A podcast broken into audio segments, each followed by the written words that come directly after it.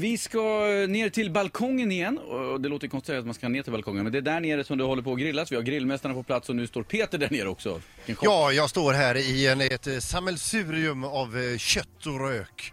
Eh, och publik och grillmästare. Och Andreas, vad, vad, vad säger du? Eh, vad, eh, vad, är- vilka är svårigheterna idag? Det här, svårigheterna här idag det är att äta upp alltihopa. Vi har otroligt mycket kött med oss. Mm. Så, det- och det är mycket olika goda grejer. Vi har ju entrecote, vi har spädgris, eh, rax och vi har beef ribs och vi har ankbröst.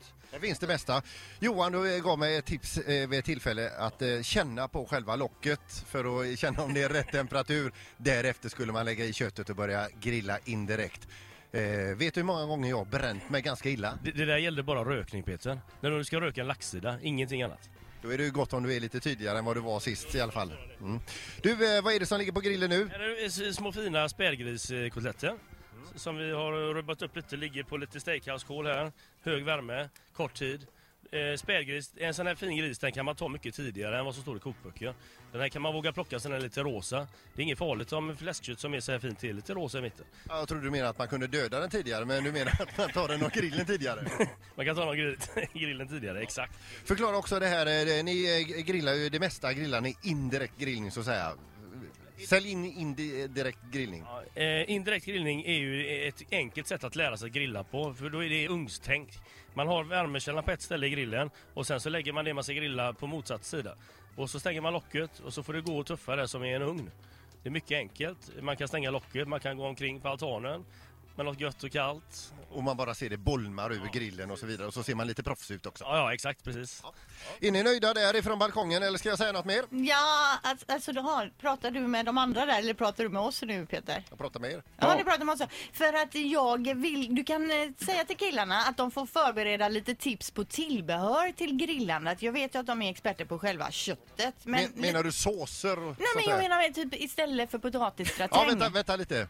Eh, tillbehör, en, typ en sås. Nej det sa jag Oj, inte. Nej, det sa du inte, men jag frågade. Man kan ju, ka- kalla såser är ju trevligt att göra och det är enkelt. Man eh, tar en eh, yoghurt eller en crème fraîche eller liknande. I med lite eh, färsk pressad citron, kanske lite honung, salt och så någon god ört. Så har du en bra eh, sås. Linda vill även ha ett eh, alternativ till potatisgratängen. Vad säger du här? Eh, grilla spetskål. Eh, ät mer kål, ät mer grönsaker. Grilla spetskål blir otroligt gott att, att grilla. Man, man drar på lite olja, lite flingsalt och lite pressad grillad citron över. Så är det gott, nyttigt och väldigt trevligt. Hörde du det, Linda? Spetsskål har jag aldrig hört talas om. Nej, Men- det har du nu. Ja.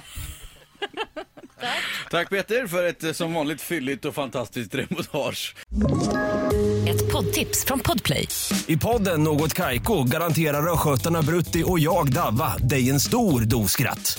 Där följer jag pladask för köttätandet igen. Man är lite som en jävla vampyr. Man har fått lite blodsmak och då måste man ha mer.